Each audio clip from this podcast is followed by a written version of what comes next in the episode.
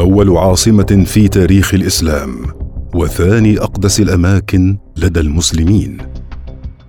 ضمت أول مسجد بناه النبي محمد صلى الله عليه وسلم وتضم قبر النبي الشريف.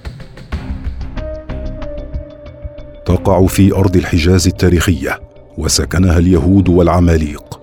وجهة الملايين سنويا ومدينة الرحمة والسكينة. اخى فيها الرسول بين المهاجرين والأنصار. وكانت شاهدة على معارك تاريخية. مدينة الحبيب ورفيقة دعوته للدين الحنيف. المدينة المنورة. يعود تأسيس المدينة المنورة التي عرفت قديما باسم يثرب إلى أكثر من 1600 عام قبل الهجرة النبوية. وقد عاش فيها الكثير من القبائل والأجناس. فقد سكنها قديما العماليق وجاء من بعدهم قبائل المعينيون من اليمن كما وصل إليها اليهود خلال القرن الثاني الميلادي واستقروا فيها لوقت طويل. وكان من أبرز القبائل اليهودية التي عاشت فيها هي بنو قريضة وبنو النظير. بعدها بوقت ليس بكثير انهار سد مأرب في اليمن وأجبرت القبائل العربية على تغيير مكانها فانتقلت عدة قبائل إلى المدينة. كان من بينها قبيلة الأوس والخزرج واللتان استقرتا في المدينة مع وجود اليهود فيها. وأسسا تحالف بينهما واتفقا على التعاون بهدف حماية المدينة من الغزو الخارجي. وقد أتى ذلك التحالف بثماره حيث التزموا فيه لمدة طويلة. وخلالها ازدادت أعدادهم ونمت ثرواتهم بشكل جيد حتى تحولا إلى عدوين لدودين واندلعت بينهما الخلافات.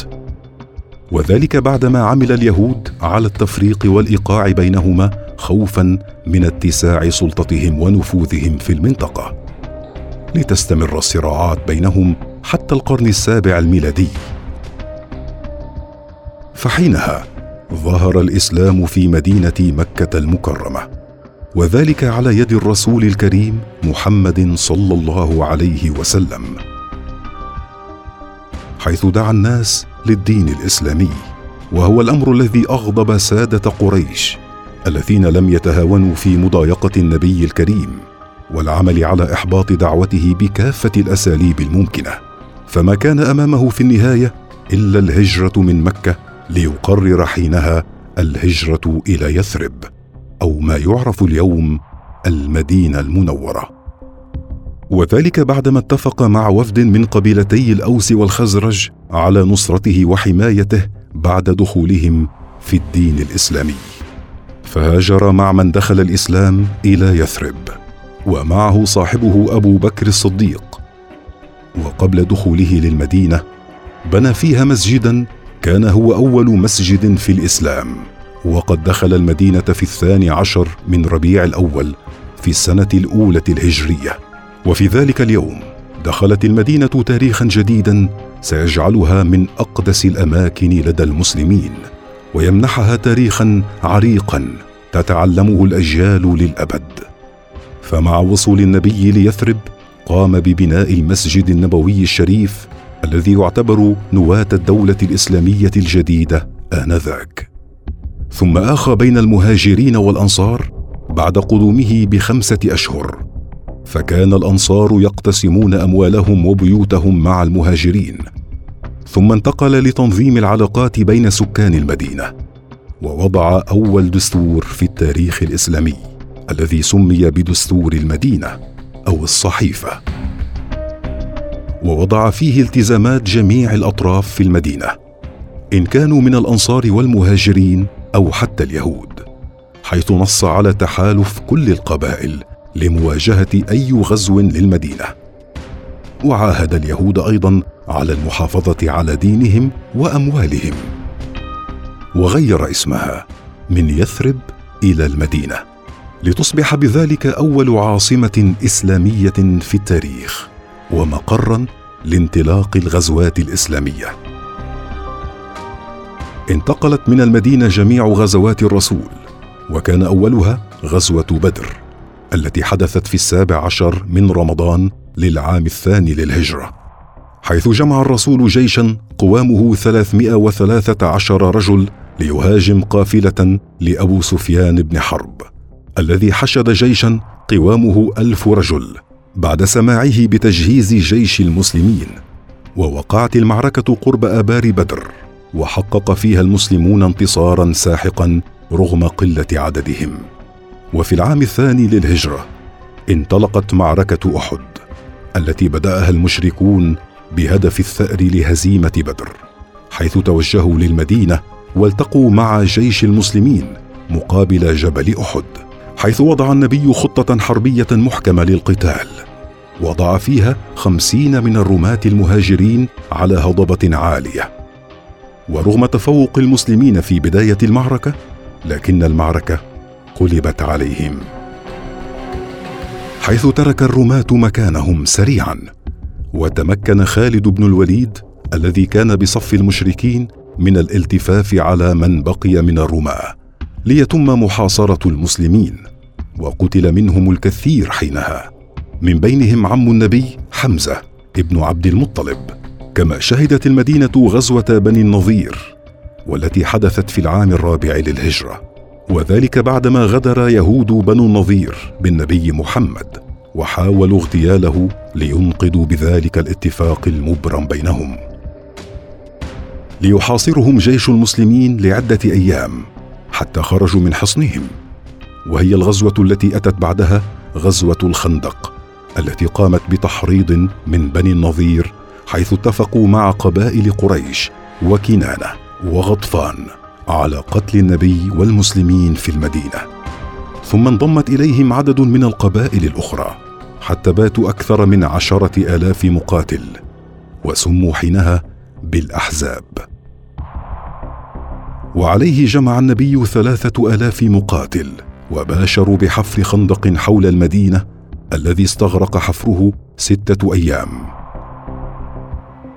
وعند وصول الأحزاب للمدينة لم يتمكنوا من الدخول فحاصروها حصارا شديدا. ثم أنقض يهود بني قريضه الاتفاق مع النبي وحاولوا إدخال الأحزاب إلى المدينة لكنهم فشلوا.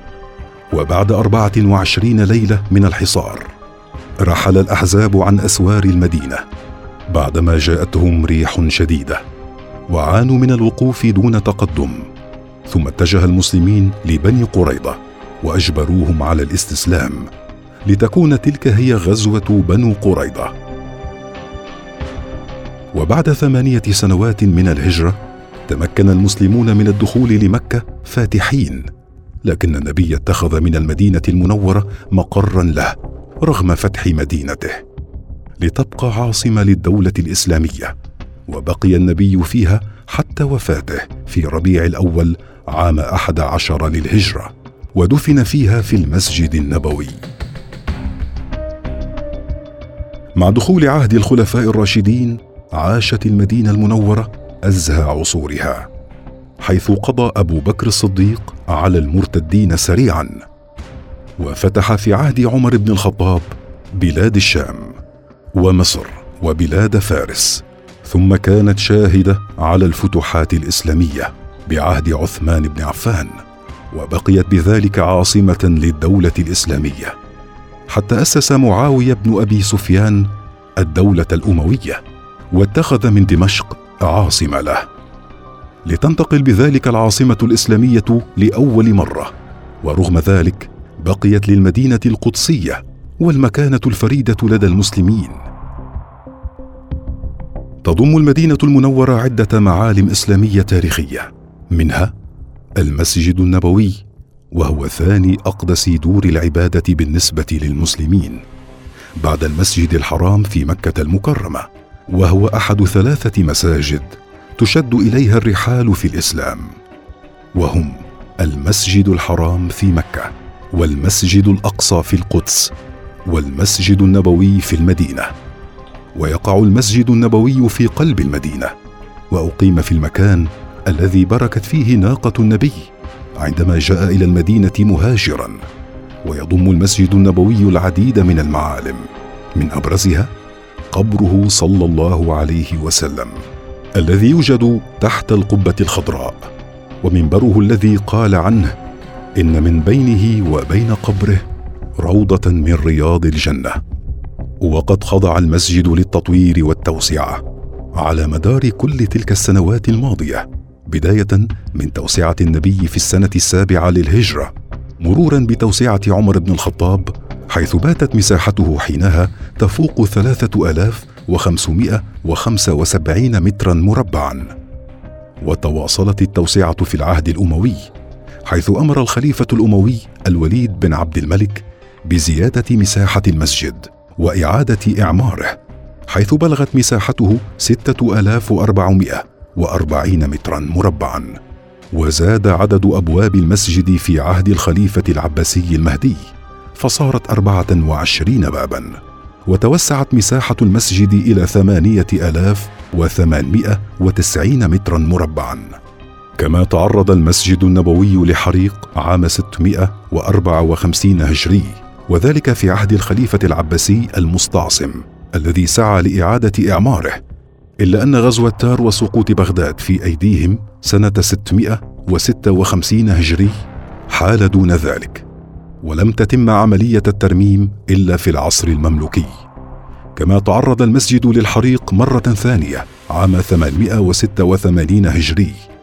وذلك جراء صاعقة رعدية أصابت هلال المنارة الجنوبية الشرقية للمسجد. وخضع للترميم من قبل الدولة المملوكية مجددا. ثم أتت التوسعة العثمانية التي زادت من مساحة المسجد وطورت في تصميمه. تلاها التوسعه السعودية التي أتت على عدة مراحل. بداية من العام 1952 والتي طورت من التصميم بشكل كبير وأدخلت عليه العديد من المزايا الحديثة كالتكييف ومعدات الصوت بالإضافة للمظلات والقبب المتحركة. لتصل إجمالي مساحة المسجد اليوم وسبعة وعشرين مترا مربعا. وعشرين ألف وخمسمائة ألف متر مربع من الساحات. ومع المسجد النبوي تضم المدينة المنورة مسجد قبة وهو أول مسجد بني في الإسلام. ويقع جنوب المدينة ويبعد عن المسجد النبوي حوالي خمسة كيلومترات. وتضم أيضا مسجد القبلتين والذي سمي بهذا الاسم لأن الصحابة صلوا فيه صلاة واحدة إلى قبلتين. وذلك أن القبلة كانت آنذاك إلى بيت المقدس. وعندما نزلت آية تحويل القبلة إلى المسجد الحرام أرسل النبي من يبلغ المسلمين في أطراف المدينة. فجاء الخبر للمصلين في هذا المسجد وهم يصلون إلى القدس. فتحولوا وهم في صلاتهم إلى القبلة الجديدة. ومن معالم المدينة المنورة أيضا مقبرة البقيع. وهي المقبرة الرئيسية منذ العهد النبوي. ومن أقرب الأماكن التاريخية إلى المسجد النبوي والتي تضم فيها قبور عشرة آلاف صحابي دفنوا فيها وفي المدينة. يوجد مقبرة شهداء أحد والتي تقع على بعد خمسة كيلومترات من المسجد النبوي. وذلك قرب سفح جبل أحد وتضم رفات سبعين صحابي استشهدوا في غزوة أحد منهم حمزة عم النبي. اليوم يبلغ تعداد سكان المدينة المنورة حوالي 1.3 مليون نسمة. ينتمون لقبائل وأعراق مختلفة. بعضهم من أهل المدينة المقيمين فيها منذ قرون وبعضهم من الوافدين إليها من مناطق مختلفة. ويأتي للمدينة أعداد كبيرة من الزوار سنويا. خصوصا في شهر رمضان وموسم الحج ويبلغ متوسط عددهم قرابة المليون زائر. يمكثون فيها لأيام وأسابيع قرب مسجد النبوي الكريم وقبره الشريف ليعيشوا بعضا من لحظات الإيمان والروحانية في مدينة الحبيب كما يحب أن يلقبها الكثيرين.